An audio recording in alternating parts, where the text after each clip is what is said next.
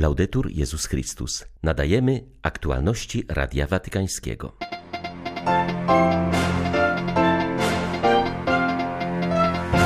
Papież przyjął na audiencję włoskich policjantów pełniących służbę przy Watykanie. Podkreślił, że również ich praca może przyczynić się do budowania pokoju. Trwa drugi etap procesu synodalnego. Jak przypomina arcybiskup Grzegorz Ryś, jest on bezpośrednio związany z misją ewangelizacyjną wspólnoty Kościoła. Aborcje pozostają pierwszą przyczyną zgonów w światowej populacji. W ubiegłym roku zabito 44 miliony nienarodzonych dzieci, podaje Fundacja Leżena. 12 stycznia witają Państwa ksiądz Krzysztof Ołtakowski i ksiądz Tomasz Matyka. Zapraszamy na serwis informacyjny.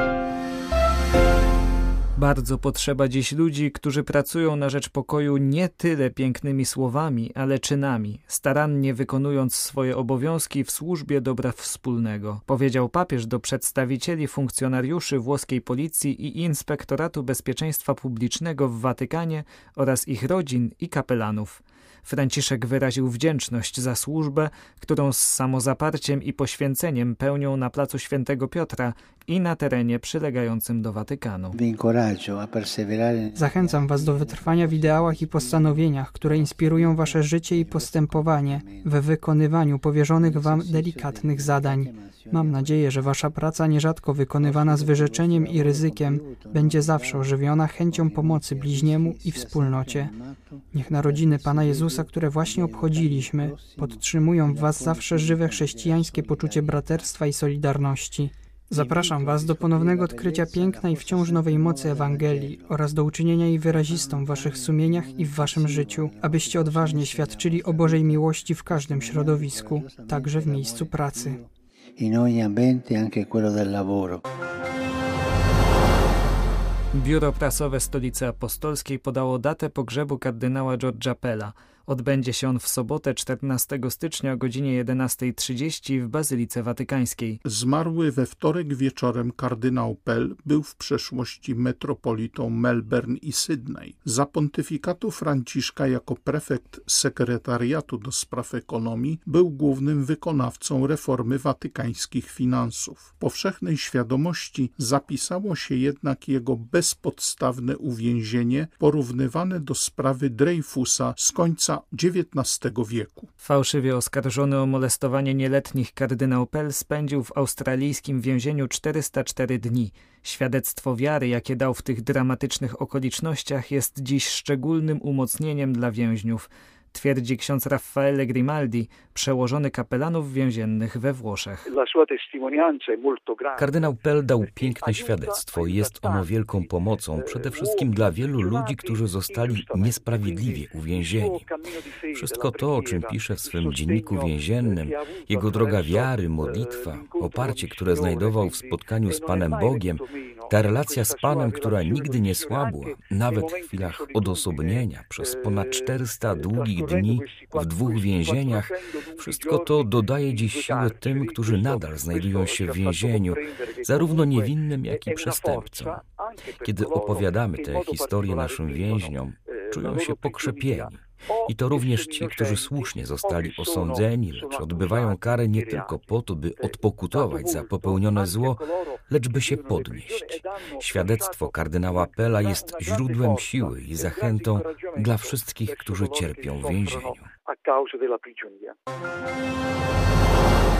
Nikaraguański sąd uznał oskarżenie przeciw biskupowi Rolando Alvarezowi za uzasadnione. Podtrzymał również areszt domowy. Hierarcha przebywa pod nadzorem policyjnym w stolicy od sierpnia po tym jak służby naszły jego rezydencję, aresztując nie tylko jego samego, ale także jego współpracowników. Biskup Alvarez jest oskarżony o tworzenie grupy przestępczej mającej na celu podważenie integralności narodowej i rozpowszechnianie fałszywych wiadomości za pośrednictwem kanałów informacyjnych na szkodę państwa i społeczeństwa nikaraguańskiego. Sąd przeprowadził postępowanie rozpoznawcze przy zamkniętych drzwiach, bez uwzględnienia prośby rodziny biskupa o możliwość zatrudnienia przez niego zaufanego adwokata. Reżim Daniela Ortegi wziął na celownik duchownych, gdyż ci nie wahali się krytykować rządu i upominać o prawa człowieka. Władze rozpoczęły walkę z Kościołem w 2018 roku, gdy wobec masowych protestów biskupi poparli prawo ludzi do demonstracji. Wszyscy dzisiaj szczególnie pamiętamy w modlitwach o obrońcach naszej ojczyzny w Soledarze, Bachmucie, Awdijiwce, gdzie wróg nieustannie kontynuuje ataki, powiedział w swoim codziennym orędziu arcybiskup Światosław Szewczuk. Wskazał, że Rosjanie znów mocno ostrzelali Zaporoże, okolice Hersonia, Charkowa, Sum czy Czernichowa. Wraz ze spadkiem temperatur Ukraińcy coraz boleśniej odczuwają zniszczenia infrastruktury energetycznej, ale również dzisiaj dziękujemy za życie – podkreślał hierarcha. My dzisiaj na Ukrainie naprawdę czasem żyjemy tylko jednym dniem. Boimy się przyszłości, bo nie wiemy, jaka ona będzie. Kiedy widzimy obecnie cieleśnie pełnię życia, którą Chrystus jako maleńkie dziecię nam przynosi, dostrzegamy naszą przyszłość. Bóg pokazuje nam, że ta przyszłość nie jest straszna, przerażająca. Czasami, kiedy patrzymy na nasze zrujnowane wioski i miasta, mówimy o apokaliptycznych obrazach końca świata. Nie. Teraz widzimy malutkie dzieciątko spokojnie spoczywające na rękach swojej matki. Chrystus nam jakby mówi: Nie bójcie się jutra, bo waszą przyszłością jestem ja. Dzisiaj nowonarodzony Chrystus mówi nam: Nie bójcie się przyszłości, nie bójcie się nowości, szukajcie pełni życia. Żyjcie w pełni, nie rozmieniając się na drobne. Dlatego wskazujemy, że narodzenie Jezusa stanowi serce historii ludzkości oraz ukoronowanie objawienia Bożego planu wiecznego szczęścia i zbawienia człowieka. Ukraina bardzo potrzebuje pomocy humanitarnej, jednak jej dostarczanie jest niezwykle niebezpieczne. Przed kilkoma dniami w Bachmucie pocisk eksplodował przy samochodzie polskich wolontariuszy. Na szczęście jeden z nich nie odniósł ciężkich obrażeń i mógł nieść pomoc swojej koleżance, która w innym wypadku wykrwawiłaby się na śmierć.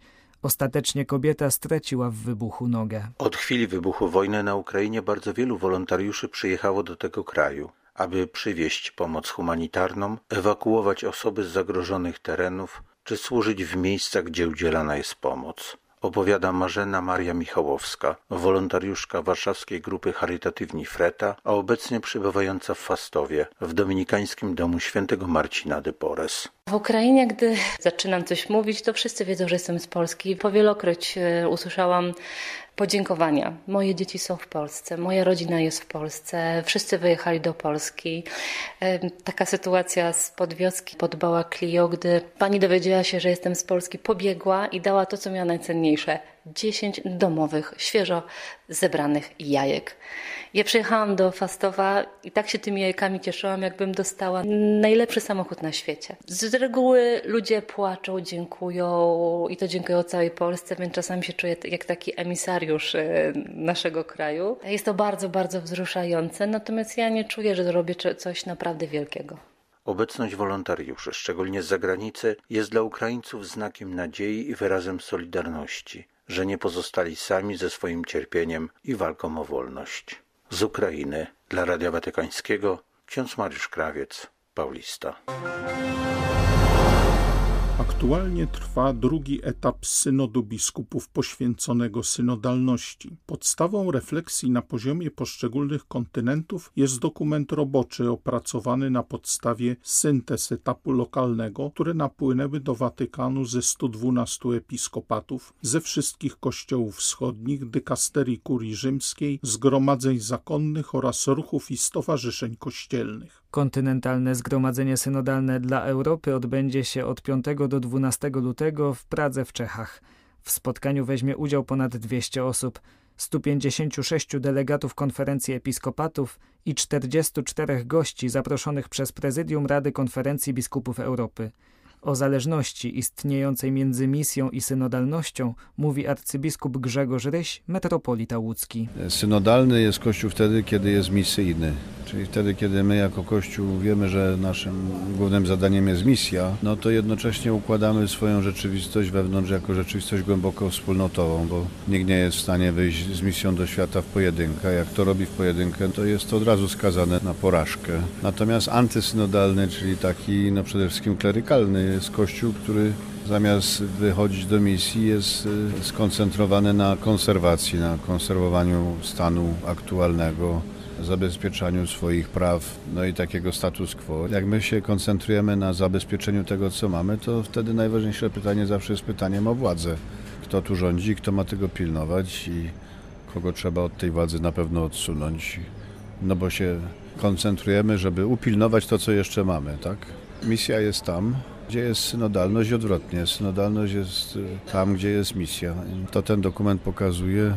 Ja tak go czytam jako przejaw takiej ciągłości w ciągu tych 10 lat pontyfikatu papieża Franciszka. Zaczął w Ewangelii Gaudium od tej perspektywy Kościoła w misji. Teraz dochodzimy z tym postulatem Kościoła w misji właśnie do Kościoła synodalnego. W niemieckiej drodze synodalnej, w odróżnieniu od procesu synodalnego, zabrakło konsultacji z ludem Bożym i papież bardzo to krytykuje. Ta droga to dzieło pewnych elit i biskupów, a nie całego ludu Bożego, uważa kardynał Jean-Claude Hollerich, relator generalny synodu biskupów. Przyznaje on, że Niemcy uznają się za awangardę i sądzą, że raport, który został przygotowany na kontynentalne zgromadzenia synodalne, przyznaje im rację. Są jednak pewne różnice, zastrzega arcybiskup Luksemburga. Kardynał Hollerich mówił o tym w obszernym wywiadzie dla francuskiej telewizji KTO. Podkreślił, że w niemieckiej drodze synodalnej brakuje wymiaru ewangelizacyjnego. Nie można mówić o Kościele, jeśli nie mówi się o misji. Jego zdaniem Kościół się reformuje, kiedy żyje swoją misją i powołaniem. Kardynał Hollerich odniósł się również do nikłego zainteresowania młodzieży procesem synodalnym. Zauważył, że nie można jednoznacznie powiedzieć, czego młodzi chcą dziś od Kościoła. Przyznał jednak, że w swym katolicyzmie są oni bardziej klasyczni niż starsze pokolenia. Potrzebują tożsamości i myślę, że trzeba powiedzieć to tym, którzy są bardziej postępowi w Kościele, że trzeba to zrozumieć. Młodzi katolicy są mniejszością w swym środowisku. Niekiedy są przedmiotem agresji w szkole ze strony profesorów czy kolegów. Potrzebują silnej tożsamości. My musimy jednak czuwać, by ta silna tożsamość, która jest niezbędna, nie stała się zamkniętą ideologią, lecz trwała w dialogu. Ponadto, kiedy rozmawiam z młodymi, to widzę, że istnieje rozbieżność między tym, co twierdzą, a tym, jak żyją. Gdy chodzi na przykład o moralność seksualną, w swoim życiu bardziej podzielają wartości tego świata, niż by to wynikało z tego, co mówią ubiegłym roku przeprowadzono na świecie 44 miliony aborcji. W konsekwencji aborcja jest pierwszą przyczyną śmierci w skali globalnej. Dane te podał bioetyczny portal informacyjny Genetic należący do Fundacji Jeroma Leżena. W ubiegłym roku liczba aborcji wzrosła o 1 400 tysięcy. Przerywanie ciąży jest przyczyną 40% zgonów. Dla porównania choroby nowotworowe spowodowały w ubiegłym roku niemal 10 milionów zgonów, a AIDS 2 miliony. Podsumowując miniony rok, Genetic przypomina, że w Stanach Zjednoczonych Sąd Najwyższy uchylił prawo do aborcji, natomiast przerywanie ciąży zostało zalegalizowane w San Marino oraz w niektórych stanach Meksyku. W Kolumbii aborcję rozszerzono do 24 tygodnia ciąży, a w Holandii zniesiono wymóg pięciu dni do namysłu. Na Litwie natomiast zalegalizowano aborcję farmakologiczną do dziewiątego tygodnia ciąży. Na Malcie trwa debata nad legalizacją aborcji, natomiast we Francji czynione są starania, by uznać ją za prawo konstytucyjne. Były to aktualności Radia Watykańskiego. Laudetur Jezus Chrystus.